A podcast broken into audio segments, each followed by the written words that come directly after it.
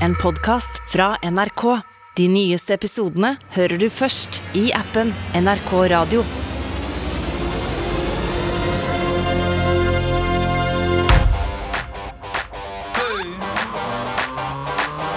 Popkorn over politikk med Sean Henrik Matheson og Gjermund Stenberg Eriksen.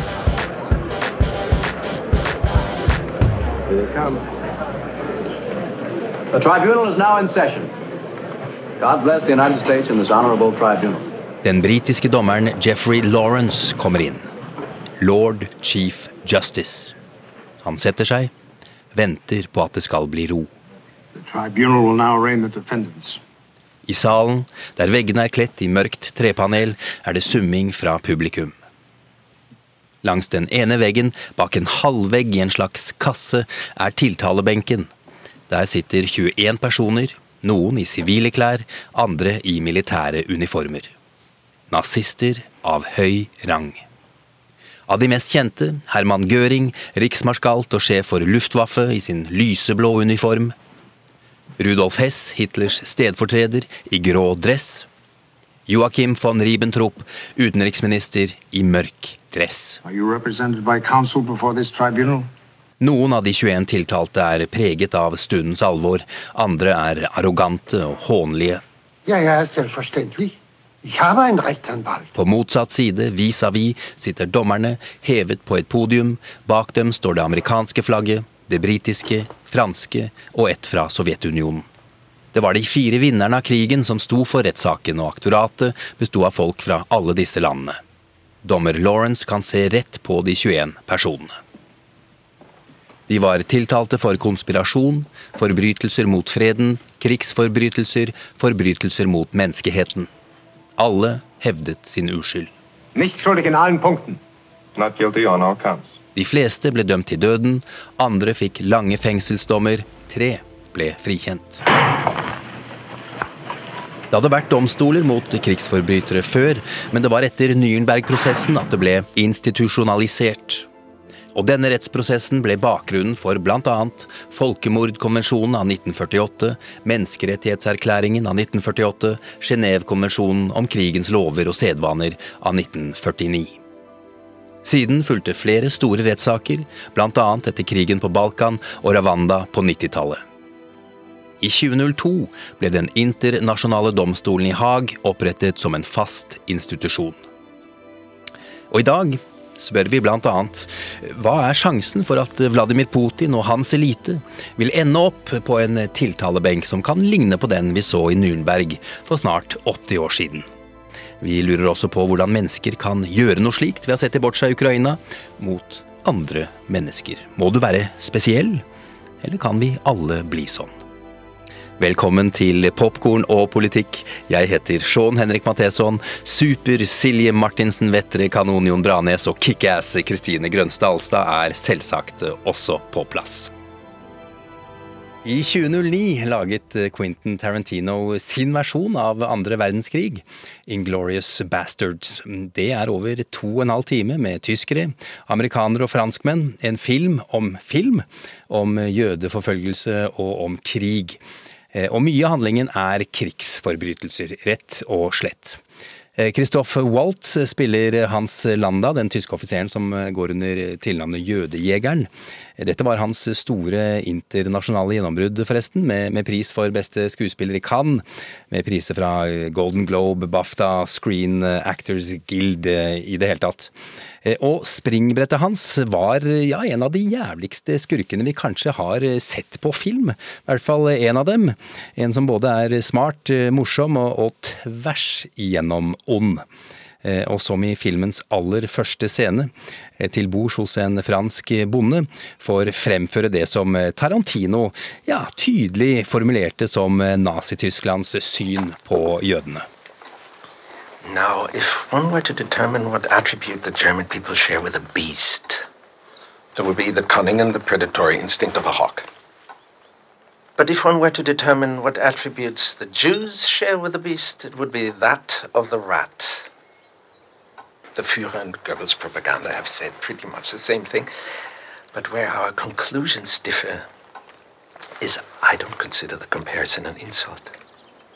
Consider for a moment the world a rat lives in. It's a hostile world indeed. If a rat were to scamper through your front door right now, would you greet it with hostility? I suppose I would. Has a rat ever done anything to you to create this animosity you feel toward him? Rats spread disease to bite people. Rats were the cause of the bubonic plague, but that's some time ago. Hauker og rotter, slik snakker du om oss og dem.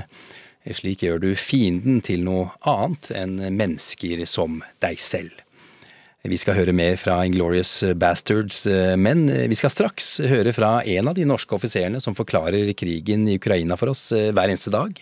Jævelskapen vi leser om fra bombede byer og massakre på mennesker, ja, det gjør inntrykk på fagfolka også. Vi skal spørre psykiater Trude Fikstad litt seinere om, om, hvordan mennesker kan bli så grusomme som det vi ser i Ukraina.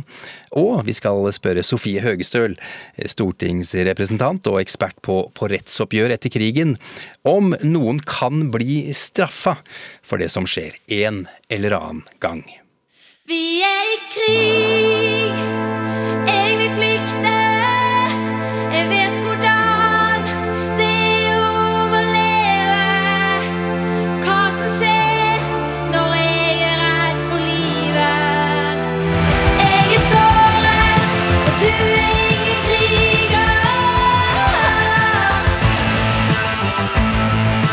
Popkorn og politikk. Geir Hågen Karlsen, velkommen til Popkorn og politikk. Takk skal du ha. Du er oberstløytnant, hovedlærer ved Forsvarets høgskole. Har blant annet russiske og kinesiske påvirkningsoperasjoner som spesialfelt, blant mye annet også.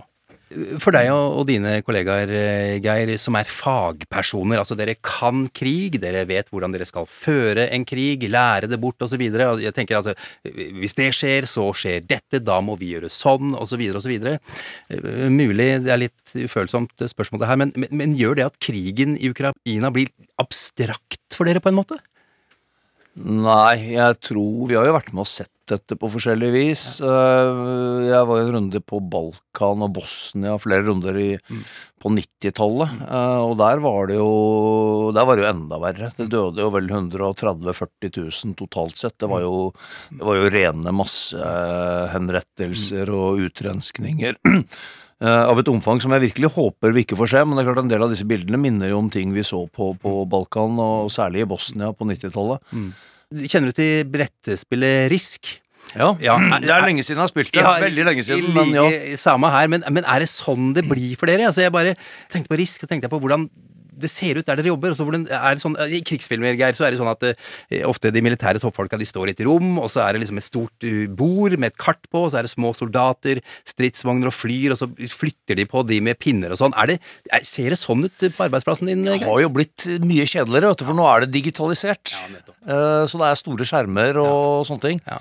Men du ser jo disse kartene hver dag hvor, eh, hvor fargene beveger seg. Det er rødt på russisk side, og så har det krympa litt inn oppe ved, Kiev, eh, hvor de har trukket ut der.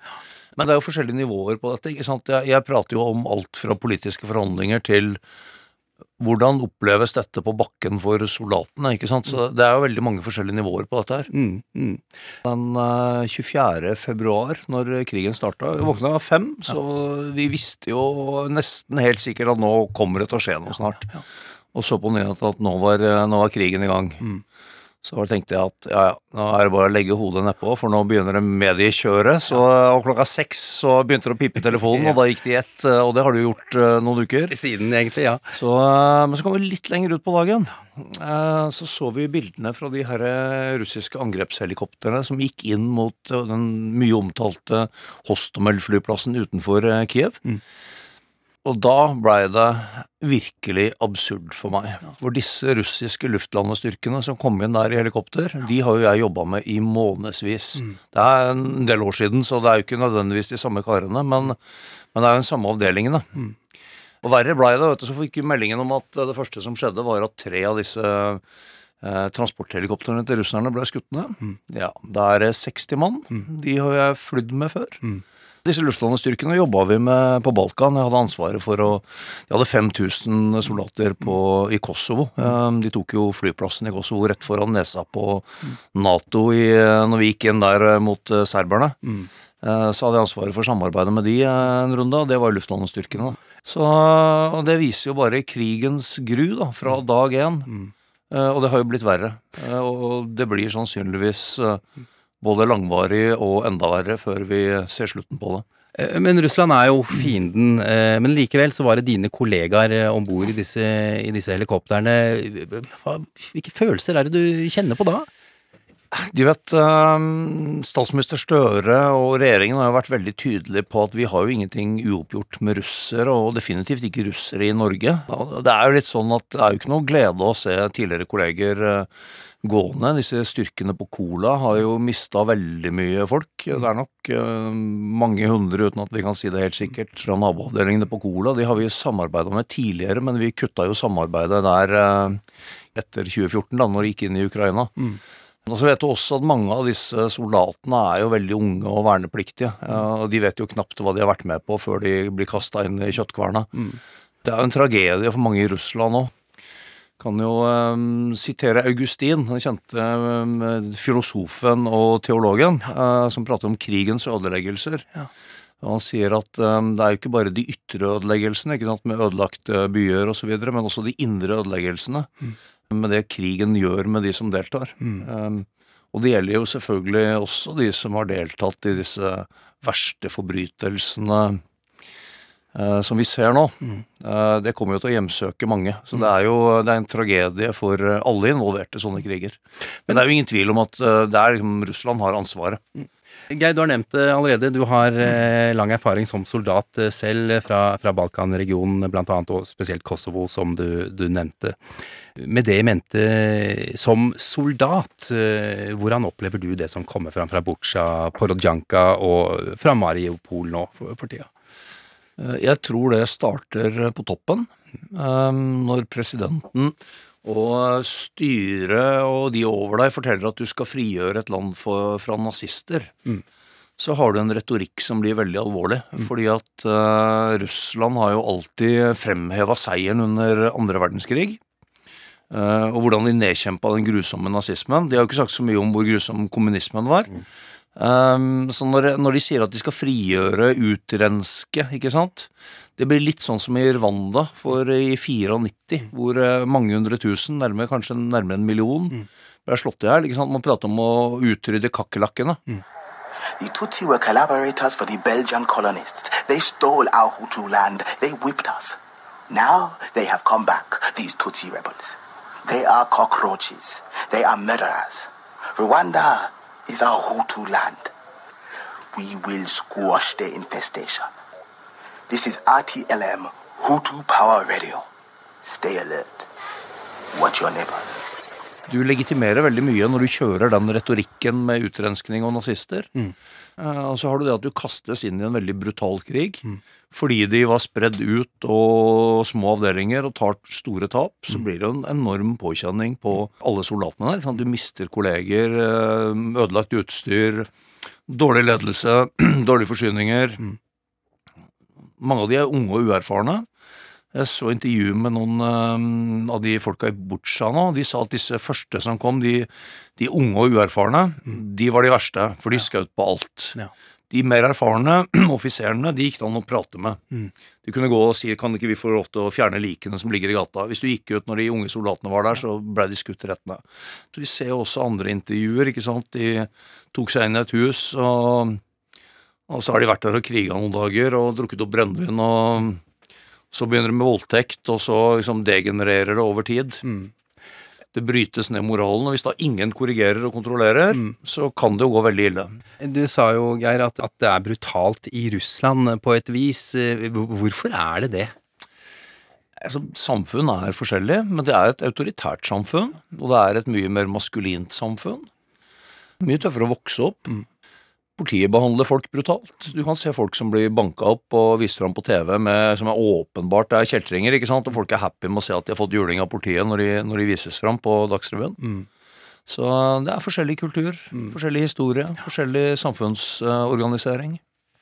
Vi har Inglorious Bastards eh, som et slags eh, en rød tråd i dag, eh, Geir. Denne krigsfilmen til Quentin Tarantino. Eh, en film som blant mye annet glorifiserer det å da være brutal mot fienden, som vi akkurat har snakka om nå det, å være hard mot de harde, som mange vil si da. Eh, det nærmeste man kommer en helt i historien, eh, er den amerikanske offiseren spilt av Brad Pitt. Eh, og han blir presentert i filmen på denne måten. My name is Lieutenant Aldo Rain, and I'm putting together a special team, and I need me eight soldiers. Eight Jewish American soldiers. We will be cruel to the Germans. And through our cruelty, they will know who we are. And they will find the evidence of our cruelty in the disemboweled, dismembered, and disfigured bodies of their brothers we leave behind us. And the German won't be able to help themselves. But imagine the cruelty their brothers endured at our hands, and our boot heels, and the edge of our knives. And the German will be sickened by us, and the German will talk about us, and the German will fear us. And when the German closes their eyes at night, and they're tortured by their subconscious for the evil they have done, it will be with thoughts of us that they are tortured with. Sound good? Yes, sir! That's what I like to hear. Ja, vi vil være grusomme mot tyskerne, de skal frykte oss, eh, sier løytnant eh, Aldo Rain, eh, og de åtte soldatene hans er klare. Det Tarantino skildrer her, er på et vis det vi ser russiske soldater gjøre i Ukraina, Geir? Nå er jo dette popkultur, så vi må liksom trekke fra litt. Jeg prata litt i sted om hvordan ting degenererer hvis du ikke kontrollerer maktbruken og holder disiplin også når folk blir slitne, redde og tar tap. Så kan vi ikke utelukke at det er en viss metodikk i det. Vi vet fra Tsjetsjenia eksempel at de har hatt som standard praksis at folk forsvinner hvis det blir motstand og bråk noen steder. Mm. Det kan jo godt hende at de har brukt den type metoder eh, også i landsbyer og småbyer. og så hvis det ukrainske heimevernet har slåss bak, bak linjene, f.eks., at de da har eh, tatt folk til fange og henretta de som en sånn eh, avskrekking. Eh, dette er jo ikke nytt. 20. april 1940 eh, så blei seks mann skutt eh, like vest for Gjøvik. Eh, Tyskerne hadde tatt en 130-40 fanger, eh, alle norske soldater pluss alle menn i, i våpenfør eh, alder, og førte de bortover. Og så eh, beskyldte de da nordmennene for å ha skutt på tyskerne, i sivile nordmenn for å ha skutt på tyskerne. Og da skulle dette være avskrekking, så disse fangene blei stilt opp så de så det, og så blei de seks karene skutt i veigrøfta.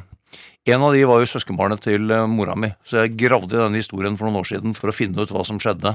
Men det var jo et sånt eksempel, ikke sant. Og det er noen tegn på at de kan ha gjort tilsvarende i, eh, i Ukraina, uten at jeg skal liksom fastslå i hvor stort omfang eh, det er.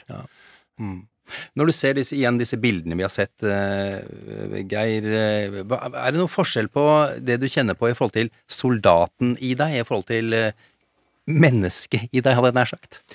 Veldig mange år siden jeg sloss ved fronten. Jeg har drevet med informasjonskrig og sånn kontortjeneste nå i altfor mange år, men eh, det er det når du blir satt under press. Hvis du ikke da har i ryggmargen at uh, det er visse regler som gjelder, så, og du ikke har uh, høyere nivå befal som kontrollerer, så er det alltid fare for at det forfaller.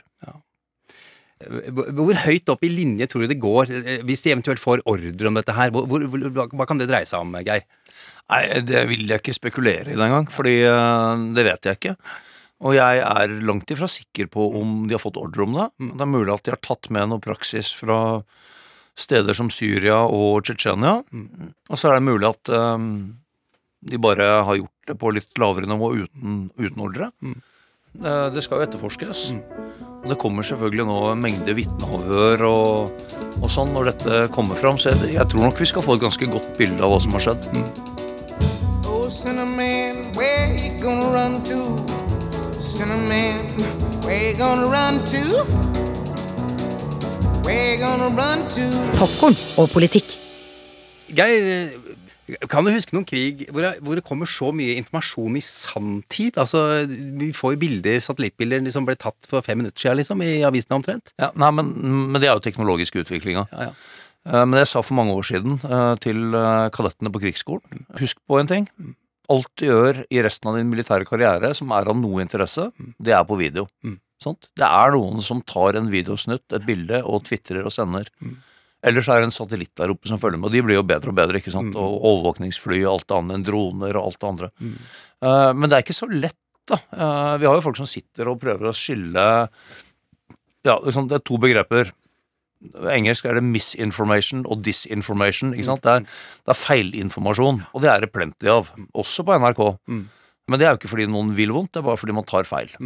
Eksempler. ehm, det kommer MiG-29 jagerfly nå, sa EU-presidenten. ikke sant? Nei, de kom ikke, og det er mange uker siden. Kiev var omringa 27. eh, februar, etter tre dager. Så kom det på blant annet på NRK og alle de andre. Mm. Skjedde aldri. Vet dere da at det er feil? Ja, mange av de tar vi direkte og sier at det er usannsynlig. Tar mye, du kan se det at det tar mye lengre tid. Eh, Det har vært nå på flere norske medier eh, Russernes neste mål er å ta Odessa i sør-vest. Nei, de har blitt slått tilbake. De er langt, langt unna. Mm. Det er ikke i nærheten, og det kommer De ønsker det sikkert, men det er, er lenge, lenge, lenge til. Eh, og så har du disinformation, ikke sant. Uh, eksempelvis den historien om disse krematoriene som, som russerne skulle ha med for å brenne opp alle lika, så spora skulle bli liksom borte. Uh, eneste jeg har funnet, er en reklamefilm fra et firma som lager en sånn forbrenningsovn fra 2013. Uh, Visstnok for å brenne biologisk materiale. Kan sikkert brenne døde soldater også, men det er ingen indikasjoner på at den er sann, at de har sånne mobile krematorier bak i fronten. Men den britiske forsvarsministeren hoppa på den og brukte den som et eksempel noen få dager inn i krigen på hvor grusomme russerne var. Ja, det er ikke så lett. Det må siles. Ja, det må siles. Norske medier har vel nå samla seg for å lage en, en, en slags gjeng som kan sitte og verifisere og, og finne ut av hvordan Jeg traff jo noen borti gangen her Ja. tilfeldigvis som Ja. satt og så på Twitter-meldinger og bilder Ja, de og drev analys analyserte. Ja. Men, det, men det er en sånn løpende oppgave, ikke sant? Ja, Det vi har sett i byene Irpin og Butsja, det er nesten eh, ikke til å beskrive. Jeg syns Morten Jentoft fra dere, som var på bakken i Butsja, en av de første utenlandske journalistene, mm.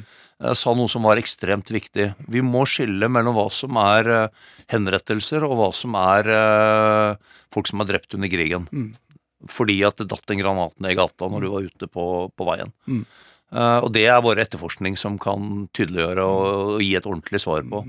Og så får du jo, når du får disse bildene, så blir det sånn ras av reaksjoner, ikke sant. Det er altså noe av det aller sterkeste som jeg har opplevd som eh, journalist. Men det er viktig, å, i hvert fall tenker jeg at det er viktig at vi som sitter i uniform med, med den autoriteten du får, enten du har fortjent den eller, eller ikke, så, så skal vi være litt nøkterne med hva vi, hvordan vi tolker ting. Og hvordan ting, eh, hvordan krig etterforskes og krigsforbrytelser, det skal vi snakke om om ikke så lenge med Sofie Høgestøl. Du sa, Geir, at, at det var unge soldater eh, først eh, i, i Botsja, eh, uerfarne. Og du nevnte også at det kan være snakk om at de har lite mat, at de er slitne, mista venner og sånn. Men, men, må du være skrudd sammen mentalt på en annen måte enn holdt på å si, vanlige mennesker for å kunne utføre sånne handlinger? Nei, jeg tror ikke det. Og Jeg tror krigshistorien og ellers har jo vist en del sånn både forskning og psykologiske eksperimenter. At folk går fort veldig langt, eh, særlig hvis omgivelsene ikke reagerer. Eh, Det har vært noen sånne elementære psykologiske eksperimenter på det, ikke sant? hvor folk gir mer og mer strøm til, eh, på å sette på folk. ikke sant? Nå, nå har jo det, de de setter jo ikke bare ekte strøm, ikke sant? Men, men, men det er sånn klassisk eh, psykologisk eksperiment. Jeg har sett på 200 volt, ikke sant? Sett på 300 volt, og han karen som sitter inne i buret der, skriker og hyler, og ja, de får ordre om 400 volt, ikke sant? Hvis de ikke reagerer, så ikke har disiplin og, og holder orden på det, og omgivelsene bryter sammen rundt deg, så mm, skal du kanskje ikke være så overraska over at også folk begår overgrep. Er det en fordel eller ulempe å ha sånne soldater, eh, eller at slike ting skjer i, i krig for Russland, da, for eksempel? Eh, nei, det tror jeg ikke. Uh, tvert imot. For det, Det sånn strategisk så slår det jo tilbake på det nå. Ja, ja. Uh, som jeg sa litt enkelt, jo flere massegraver som åpnes, jo flere våpen får Ukraina. Ja, Og det er jeg helt sikker på vestlige diplomater og andre forteller russerne. Mm. Dette er konsekvensen. Mm. Så det slår jo militært tilbake. Mm. Men de karene på bakken som har gjort det, har jo ikke noe forhold til det. De lever jo eh, med en fiende like her borte, og en farlig omgivelse, og en eh, kompis som, eh, som falt. Mm. Men det er klart dette her blir jo, det blir jo brutalt for de som er involvert òg. Mm. Du har hørt om Arto Pasilina, han eh, finske forfatteren som skriver sånne absurde romaner. Jeg syns jo det er stor, eh, stor underholdning. Eh, bare absurde figurer der. Og så var det en kar som satt i, satt i fengsel og kom ut da og fortalte litt om hvordan det var. Altså, det var egentlig ikke så verst, for at det er mye festlige karer i fengsel og mye artige historier. Men det var én ting han ville betakke seg for. Og det var å dele celle med mordere. Det ville ikke. For de var alltid så dystre og mørke. Og det de hadde gjort, det hjemsøkte de hver dag. Ja, der ser du. Så eh, det kommer nok til å være en høy pris mange steder. Men det er nå først og fremst ofrene på, på bakken vi eh, bør tenke på nå. Geir Hågen Karlsen, tusen takk for at du tok deg tid. Takk for at jeg fikk lov til å prate med dere. But I got a word of warning for all you would be warriors. When you join my command, you take on debit. A debit you owe me, personally. Each and every man under my command owes me 100 Nazi scalps. And I want my scalps. And all y'all will get me 100 Nazi scalps, taken from the heads of 100 dead Nazis. Or you will die trying. Stop.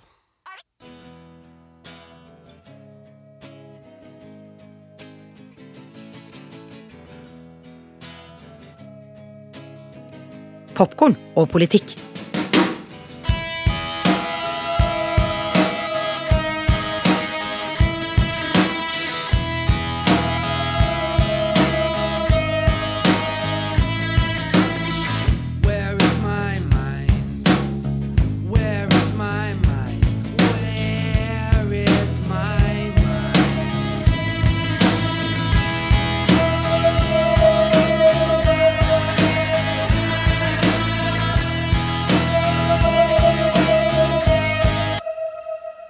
Trude Fiksdal, velkommen til Popkorn og politikk. Takk.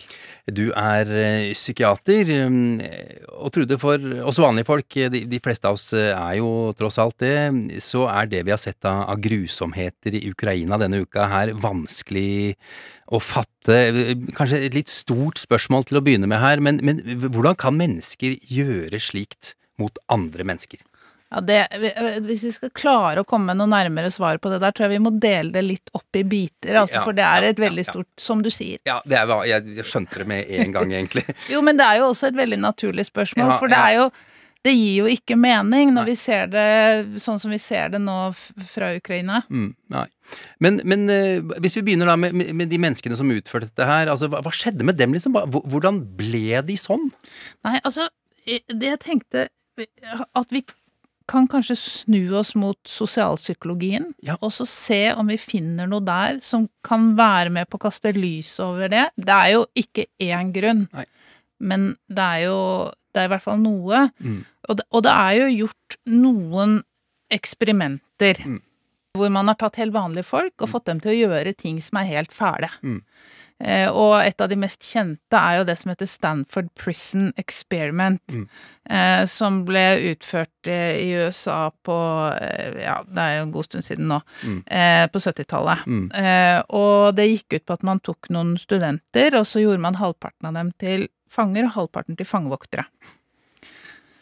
Og så, eh, gjennom eksperimentet, det måtte avsluttes, da, fordi de som da ble fangevoktere, de oppførte seg så grusomt mot fangene, Ja. da. Og dette var helt vanlige folk. Ja, helt vanlige folk. Så har det i ettertid kommet frem at de som eh, var eh, fangevoktere, ble instruert. Ok. Så noe av verdien av eh, eksperimentet er vel Det har tapt seg litt, så, Ja. så eh, det er ikke så eh, ille som det kan ses. Men allikevel så gjorde de fæle ting mot sine medstudenter. Men, men det kan ligne litt om at de på en måte fikk ordre, da, sånn som jo det handler om kanskje i krig også. Det er akkurat det. De Ja. fikk instrukser. Nå har du denne rollen, og det legitimerer eh, den atferden du skal ha. Det er en grunn til at du skal gjøre dette. Eh, og det er vel litt av det med å bli soldat, at da blir du innlemmet i et system der, eh, som legitimerer den atferden du ellers ikke ville hatt. For jeg tror jo ikke at alle de 19-20-åringene som er russiske soldater, eh, hver for seg alene ville utført de grusomhetene som de utfører sammen i flokk. Så systemet legitimerer jo og rollen legitimerer, og så handler det jo også om det med autoritet, da. Mm. Og der er det et annet sosialpsykologisk eksperiment som heter Milgram-eksperimentet, som, eh, som kanskje kan være med å kaste lys eh, over akkurat det med autoritet, da. Eh, og det eh, var et sånn psykologisk eh, Det var, tror jeg, på 60-tallet. Mm. Eh, og det viser også et vanlig menneskes potensial for lydighet Mm. overfor en autoritetsperson. Mm. Har du hørt om det? Ne- ne- Jeg lurer på om eh, faktisk eh, Geir Hågen Karlsen eh, nevnte det så vidt det var. Eh, har det med, med å, strøm og støt å gjøre og sånn? Det er akkurat det det har å gjøre. Ja. Det var et eksperiment. De skulle gi støt til en forsøksperson, Mm. som da viste seg å være en skuespiller, men allikevel. Og ikke bry seg om at eh, forsøkspersonen reagerte med tydelig smerte. Mm. Eh, og så så de hvor lenge de, de fortsatte å gi støt eh, på kommando, selv om de satt og så på et menneske som da åpenbart hadde det vondt.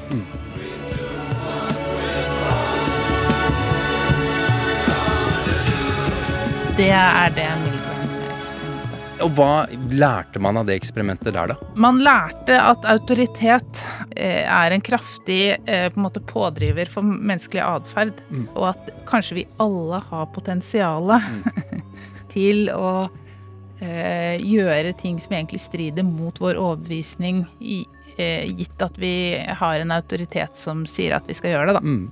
Eh, Noe annet eh, Geir Hågen Karlsen eh, var inne på, som jeg antar, eh, eller som helt opplagt er en del av det vi har sett i, i Ukraina, er jo at soldatene, de er unge, som han sa. Mm. Eh, De har kanskje mista kamerater. Mm. De har lite mat, de er slitne, Mm. og de har liksom fått juling, da. Mhm. Eh, antar at det også er en gjør noe med huet, Trude? Ja, og, og det er jo Vi har jo eh, i tidligere, i andre sammenhenger, snakket om dette med toleransevindu. ikke sant? Når er det du er på ditt beste? Når er det du tenker klart, klarer å se flere sider av en sak?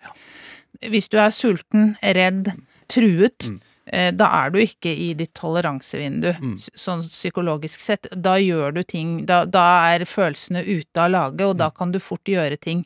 Og så er det jo den derre vi mot dem, ikke sant. At i krig er det jo ikke rom for nyanser. Det er to parter som slåss.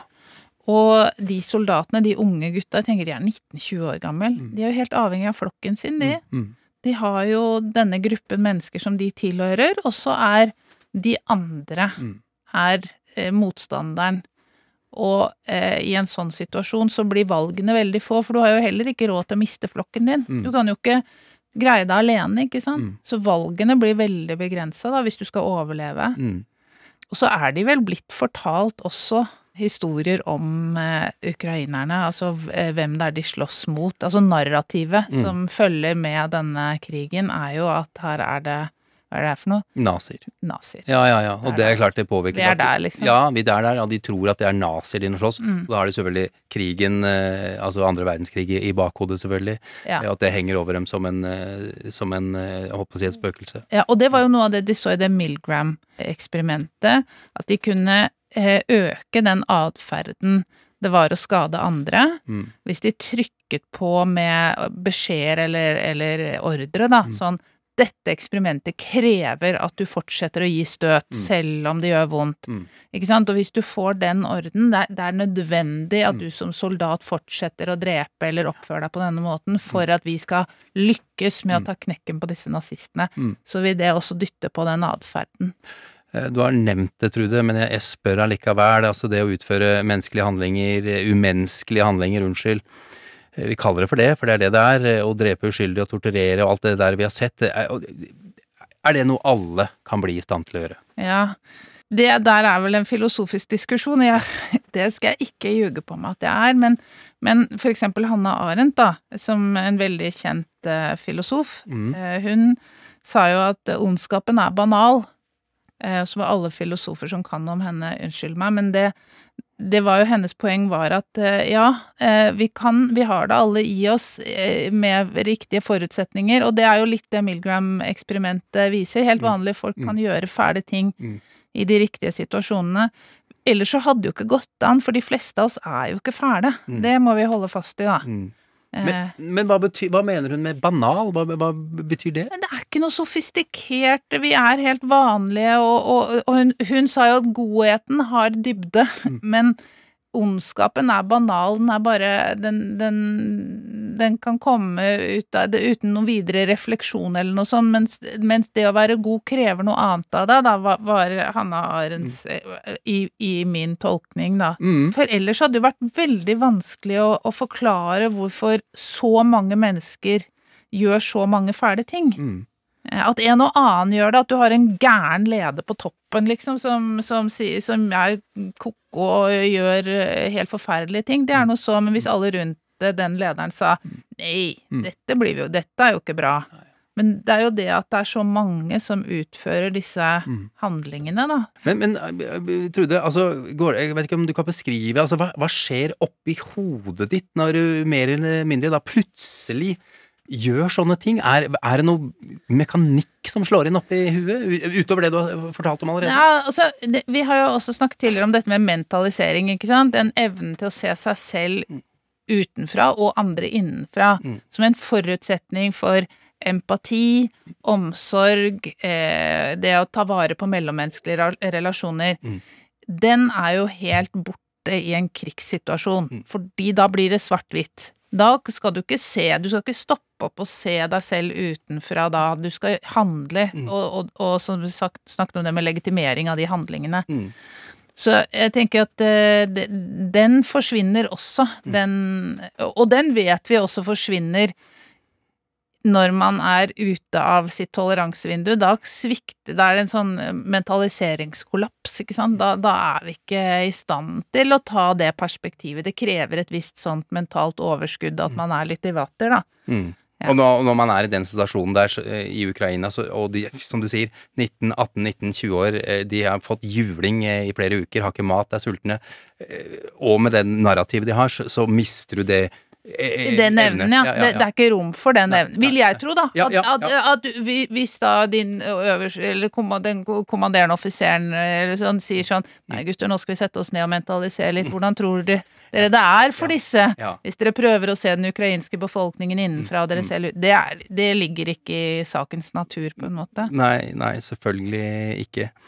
Uh, Geir Hågen Karlsen var også innom at uh, Han sa det er jo veldig sannsynlig at alle disse soldatene som, som har utført dette her, vil få det ganske grusomt selv etter hvert, eh, Trude. Og som jo selvsagt ikke er noe ukjent for, for eh, veteraner. Hva, hva er det som kan skje med disse unge guttene etter hvert? Vi, vi, vi, vi vet jo det at veldig mange som har vært i, i krigssituasjoner, får posttraumatiske stresslidelser. Og særlig hvis de har gjort ting som på en måte strider mot de grunnleggende verdiene deres. At de eh, Hvordan skal du rettferdiggjøre overfor deg selv at du har vært i en situasjon hvor du har øvet vold?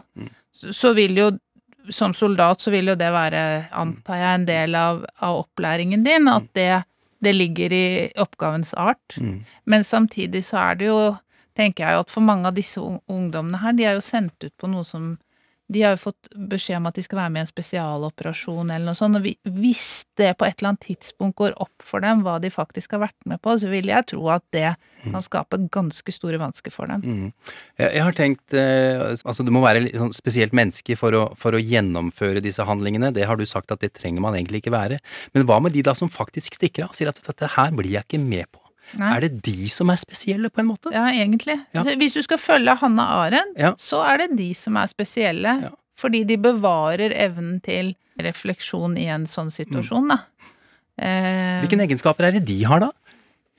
det er, de, de, da har de vel bevart den derre evnen til faktisk å se situasjonen utenfra og holde fast i, det, i sine verdier på tross av alle de faktorene da som jobber mot dem, nemlig at de står i fare for å og, og, og også at vi har institusjonalisert straff for de som svikter sin side i en krig, ikke sant? En, hva heter det for en sånn overløper, eller hva heter det når du, når du stikker av fra kompaniet ditt? Ja, eh, desertør. Desertør! Ja, ja. At, at det, det, straffer vi, det er jo ikke lov å desertere i krig. Nei, nei. Så det vet de jo, det ligger jo i rammen. Så her er det jo også noen sånne helt klare begrensninger hva du kan tillate. Du, jeg tror jo kanskje noen tenker på det. Og jeg kjenner jo sånn folk som har vært i militæret som har sagt at vet du, dette klarer jeg ikke, jeg klarer ikke stå her på våpentrening, jeg. Mm. Som ikke nødvendigvis er pasifister, men som rett og slett tenker at dette blir helt feil. Mm. Det er ganske mørke ting vi snakker om eh, her, og ikke minst ser og opplever eh, for tida. Vi heldigvis eh, bare i, i nyhetsbildet, for så vidt. Men ah, Trude, er det ikke noe håp her, et eller annet sted? Jo, Ja. det, det vil jeg absolutt si. At det er jo Det, er jo, det, det kan man jo si på, se på den kollektive forferdelsen og fordømmelsen av det som skjer i Ukraina.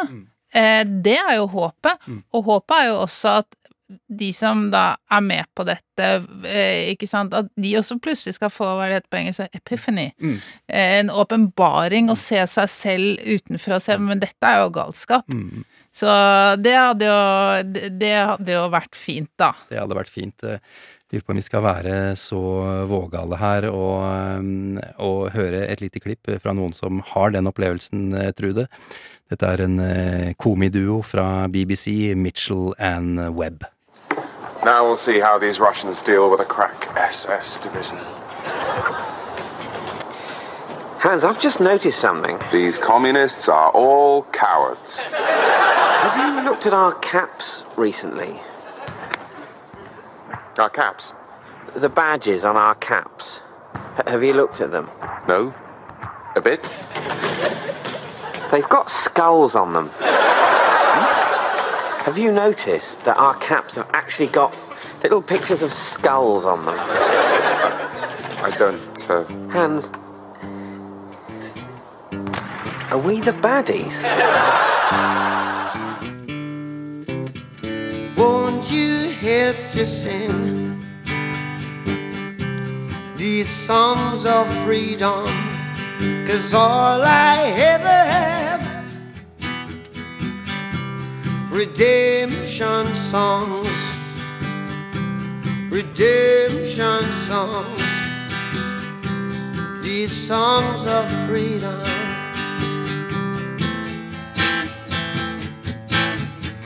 Popkorn og politikk. Sofie Høgestøl, velkommen tilbake til Popkorn og politikk. Takk. En glede å ha deg her. Du er førsteamanuensis ved Universitetet i Oslo, og du har spesielt god greie på folkerett og menneskerettigheter og internasjonal strafferett. Med andre ord, eh, det som foregår i Ukraina nå, det går dessverre eh, rett inn i ditt eh, fagfelt, for å si det sånn. Sofie, hva tenkte du da nyhetene fra Butsja begynte å komme frem i, i nyhetene? Nei, altså det, det var jo utrolig sterkt å se de bildene. Men det var jo heller ikke overraskende, for det, det vi begynner å få et bilde på nå, det er jo steder som har vært under russisk okkupasjon. Eh, og så greier det ukrainske militæret å, å bekjempe de og få de ut av byene. Mm. Og så ser man jo hva som har skjedd i de byene. Eh, og det er jo det vi ser nå. Det, det er eh, utrolig hjerteskjærende, men dessverre ikke helt overraskende heller. Hvorfor sier du at, du at det ikke er overraskende, Sofie? Nei, for det at um, Vi har jo fått andre indikasjoner på at det har vært krigsforbrytelser. Altså Mm. alt fra bombing av sykehus til uh, operahus til Det har jo ikke virket som de har fulgt krigens folkerett så langt i konflikten. Mm. Og Putin har jo blitt beskyldt for å ha begått krigsforbrytelser i andre konflikter som han har vært en del av. Mm. Så sånn sett er ikke jeg veldig overrasket. det, det er litt forskjellige begreper som blir brukt om, om det vi har sett. Folkemord, det er noen som sier etnisk rensing eh, har blitt eh, nevnt. Hva vil du kalle det, Sofie? Jeg vil jo si at det, det, det virker veldig tydelig å være en, en grov forbrytelse. Mm. Og så er det jo spørsmålet hvordan man klassifiserer det. For at man har tre hovedkategorier med internasjonale forbrytelser. Og de er internasjonale forbrytelser fordi at vi tenker på de som så grove at de er en forbrytelse mot oss alle. Og det er krigsforbrytelser, forbrytelser mot menneskeheten og folkemord. Og de forbrytelsene be- be- består som vanligvis da, av helt vanlige forbrytelser. Type drap. Og eh, et drap er jo vanligvis et, et vanlig nasjonalt drap, som vi etterforsker nasjonalt. Det som gjør en, et drap for eksempel, da, til en krigsforbrytelse, er vel hvis eksempelvis da en, en soldat skyter em, en vanlig sivil person med vilje. For soldater i krig skal hovedsakelig gå etter militære mål. Det er en krigsforbrytelse. Da blir det drapet en krigsforbrytelse. Det, det at de da, eh, russiske stridsvogner, hamrer inn eh, boligblokker og slike ting, er det en krigsforbrytelse? Det kan være det. Altså, du, du har lov til å gå etter mål hvor, du, hvor det er klart at sivile mål, eller sivile personer blir collateral damage, som man kaller det. Men liksom, hovedfokuset, eller hovedintensjonen bak angrepet skal jo være at det er et militært mål. Det skal være et militært mål et eller annet sted inni der. Og da er det noe, selvfølgelig noen gråsoner hvor liksom, hvis du bomber noe, så vet du at det er et bryllup litt ved siden av, og de kanskje da står i fare, så kan du kanskje fortsatt gjøre det under krigens folkerett, så lenge du, du har et legitimt militærmål ved siden av, da, og du liksom du ikke bruker for mye makt, og det er nødvendig, og sånne ting. Men hvis du, hvis du med viten og vilje går etter sivile mål, så er det en klassisk krigsforbrytelse. Så da er et sånn type drap en krigsforbrytelse. Hvis drapet derimot skjer i en type konsentrasjonsleir, så er det en klassisk forbrytelse mot menneskeheten. For da er det sånn du, Det er ikke sånn det er ikke nødvendigvis en soldat som dreper en sivil, men det er, et, det er mer preg av at det er et system rundt det som går på å ja, utrydde folk, da. Et, jeg vil jo si at mye av det som skjer i Nord-Korea, er én stor forbrytelse mot menneskeheten. Sånn, alle de fangeleirene de har, de torturleirene, osv. Og så har du den siste kategorien, som er folkemord. Eh, og folkemord er når et drap, da, eksempelvis, har skjedd fordi at gjerningspersonen har ønsket å utslette helt eller delvis en folkegruppe. Så den forbrytelsen er litt forskjellig, for det går egentlig ikke så mye på konteksten som, til så mye som hva gjerningspersonen hadde i hodet. Sånn sett er det ganske likt terror, for det som gjør en terrorforbrytelse, det som gjør, en bombing av en bank til en terrorhandling, og ikke bare en bombing av en bank, da, selv om det er veldig alvorlig, det er jo fordi at uh, gjerningspersonen hadde terrorhensikt, altså hadde i hodet at, at de skulle terrorisere folk. Og det er litt det samme med folkemord, at da er intensjonen bak det, da, la oss ta Rwanda for eksempel, det er å utslette en etnisk minoritetsgruppe. Eller for eksempel i Srebrenica i det tidligere Jugoslavia, å drepe, altså, og rett og slett liksom, systematisk utslette muslimske minoritetsgrupper. Det er folkemord. Og vi vet jo ikke ennå så mye om hva gjerningspersonene i Butsja har tenkt når de begikk disse drapene. Og da er det for tidlig for meg i alle fall å si at det er et folkemord. For jeg tror Forståelig nok så tror jeg ganske mange har tenkt at folkemord er massedrap. Men det er mulig å begå massedrap uten at det er folkemord. For det går litt på hva du hadde i hodet. Eh, eller hva, hva som var intensjonen bak angrepene. Og jeg syns det er viktig å understreke at jeg mener jo at et massedrap er jo like alvorlig som et massedrap som er folkemord, for du har jo fortsatt drept altså Det er fortsatt veldig mange sivile som har dødd, da. Men, men, men må man finne ut av hva intensjonen var, da? Ja, og det er ofte det som er ganske vanskelig når du skal straffe folkemord. Jeg har, hatt, jeg har møtt ofre fra det tidligere Jugoslavia som har vært sånn Hvor vanskelig er det å vise at Milosevic var ansvarlig for folkemord? Alle visste hva de gjorde. Og det skjønner jeg kjempegodt, ikke sant? men du må bevise Det er sånn som i terrorsaker. Du må bevise at de hadde en, Den klare intensjonen var ikke kun å drepe, men det var også å utslette en folkegruppe. Og det er vanskelig å vise Jeg har en, en, en, en god kollega, Katrine Holta, som skrev hele doktorgraden sin om, om hensikt, altså intensjonen, hva forbryteren har i hodet, som er en viktig del av strafferetten. For det er ikke så lett å bevise det heller. Eh, og, det, jo, og det er ofte ganske vanskelig Jeg forsker jo mye på hvordan du straffer ledere for internasjonale forbrytelser. Og det krever jo da også at du må kunne vise at lederen hadde en- den type intensjon. Dessverre, det mange har lært fra andre verdenskrig, fra Nazi-Tyskland, er at vi skriver ikke alt ned. Ikke? Det som er så unikt med folkemordet under andre verdenskrig, er at i Auschwitz så hadde de lange De hadde dokumentert alt. De hadde de hadde arkiver rundt hvilken tenner og tannfyllinger de tok fra visse fanger og når, ikke sant? Et helt, helt, helt sinnssykt detaljnivå. Og da var det ikke vanskelig å bevise hvem som var ansvarlig, og bevise akkurat hvor grusomt og planlagt og gjennomført det var. Men i moderne tid så er det veldig sjeldent at man velger å dokumentere et folkemord på den måten, den nøyaktige måten. Og da er det litt vanskeligere, for da, da, da, det, da koker det ofte ned til vitnebyrd, sant, til hva, hvordan gjerningspersonen forklarer seg. Og det er, det er ofte Det tar Jeg vet at de topplederne i Jugoslavia-tribunalet, det vanskeligste for statsadvokatene der, det var å bevise folkemordsintensjon, og særlig når de siste topplederne ble dømt for noen år tilbake, jeg så strømmingen av dommene live, og da kunne du nesten se at påtalemyndigheten bare slappet av når de fikk guilty på folkemord. For det sånn, det var det viktigste De, viser at det var det vanskeligste. Den vanskeligste jobben. Liksom. Da var det en stor seier. Så for meg er det nok for tidlig å si at det er et folkemord i Butsja. Men det ser ut som det er et massedrap av sivile som har vært forsvarsløse. Mm. og da er det klart at det er en veldig grov forbrytelse. Og så må vi vite litt mer om konteksten for å kunne begynne å klassifisere om det er en forbrytelse mot menneskeheten, eller om det er en krigsforbrytelse osv. Sofie, hvordan etterforsker man slike ting som har skjedd i, i Butsja? Det viktigste i en sånn etterforskning det er å innhente ganske mye forskjellig type bevis. Hvis man har forskjellig type bevis, så kan man få et større bilde av hva som egentlig har skjedd. For i en internasjonal straffesak så er det jo ofte slik at det er ganske mange Det er ikke vanskelig å dokumentere at det er mange for eksempel døde kropper i en massegrav. For det har man. Men det som er det som er aller viktigst, er jo å skjønne konteksten rundt det for å kunne pinpointe hvem var ansvarlig, og hvem ledet dette her. For det er jo det man er ofte mest interessert i. Så jeg tenker sånn, en, det blir jo en blanding av satellittbilder. Det kommer til å bli en blanding av en del teknisk databevis. Den internasjonale straffedomstolen ser jo akkurat nå på folkemordet i Myanmar, eh, og der har de for eksempel fått utlevert masse datainformasjon fra Facebook, for mange av de soldatene som var med på det, angivelig, skal ha hatt mobiler hvor de hadde Facebook, så Facebook har ganske gode Ganske god oversikt, det viser jo hvor mye Facebook kan om masse, men de har ganske god oversikt over um, eh, hvordan de bevegde seg, og det har ganske mye å si. Når man skal, liksom, hvis man ser for eksempel at russiske styrker har vært mye der, og så plutselig en dag senere er de der, og en god forsvarsadvokat, og det er jobben deres, vil jo si at ja, vi vet ikke om disse satellittbildene er reelle. Sant? Kanskje de er manipulerte?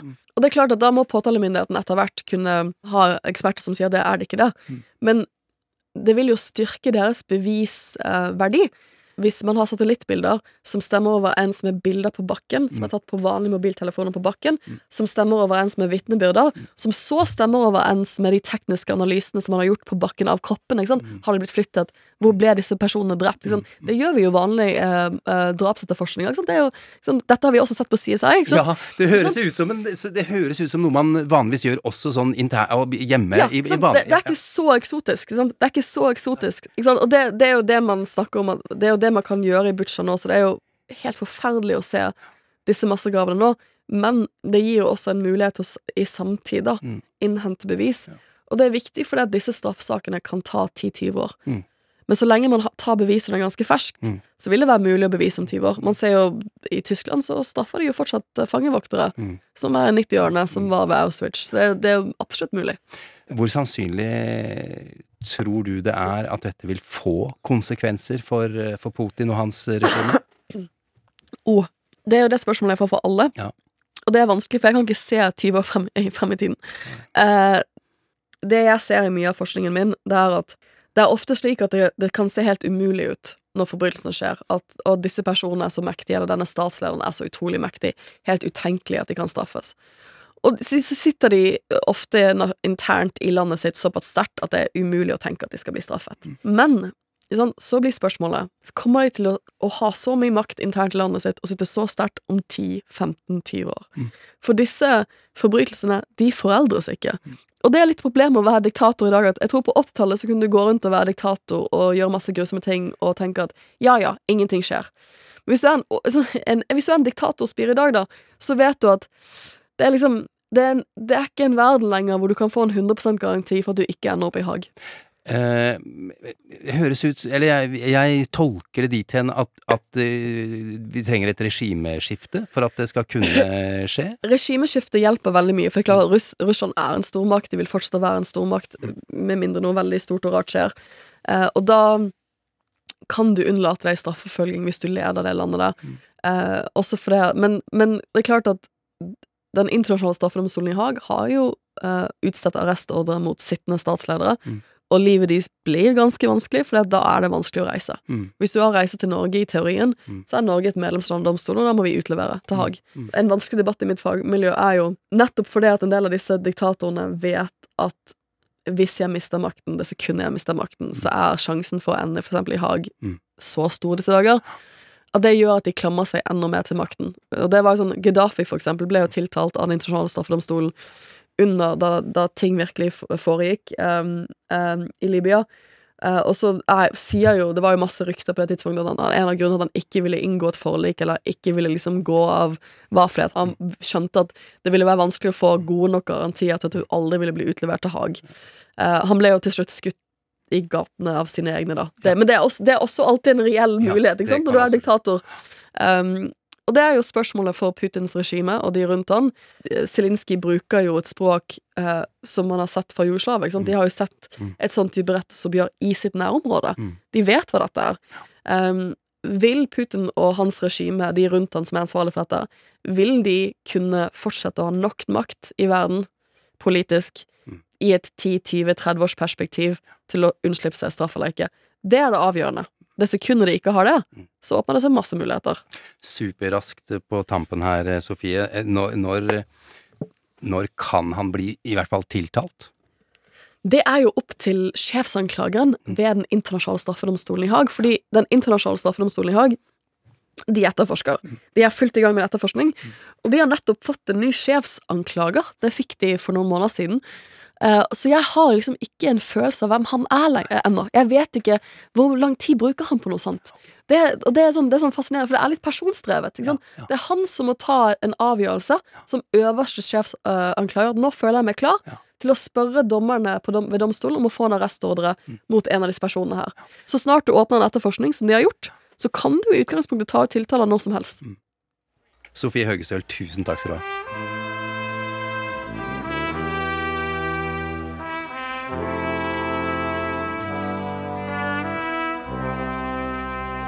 Popkorn og politikk. Ja, vil de ansvarlige noen gang bli straffa? Det var jo et visst håp vi fant hos Sofie Høgestøl, var det ikke? Men det kan selvsagt ta tid, som hun sier, lang tid.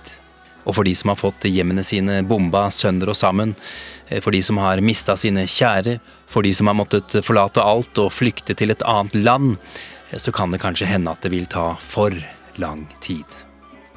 Av og til så kunne man kanskje heller ha ønska seg en filmavslutning, sånn som eksempel den Quentin Tarantino gir oss i Inglorious Bastards. Jeg skal eh, ikke spoile den, men som jeg sa da vi starta i dag, Tarantino lager jo på et vis sin versjon av andre verdenskrig, og den holder han på helt til slutt. Har du sett den, så vet du hva jeg snakker om. Har du ikke sett den, eh, ja, da har du noe å glede deg til. Takk for at du hørte på Popkorn og politikk. Anbefal oss til alle du kjenner. Da blir vi glade. Vi høres på andre siden av påsken. Ja, vi tar oss en ørliten ferie nå, alle mann. God påske til deg og alle du er glad i. Virgil Kane is the name, and I served on the Denver train. Till Stoneman's cavalry came and tore up the tracks forget.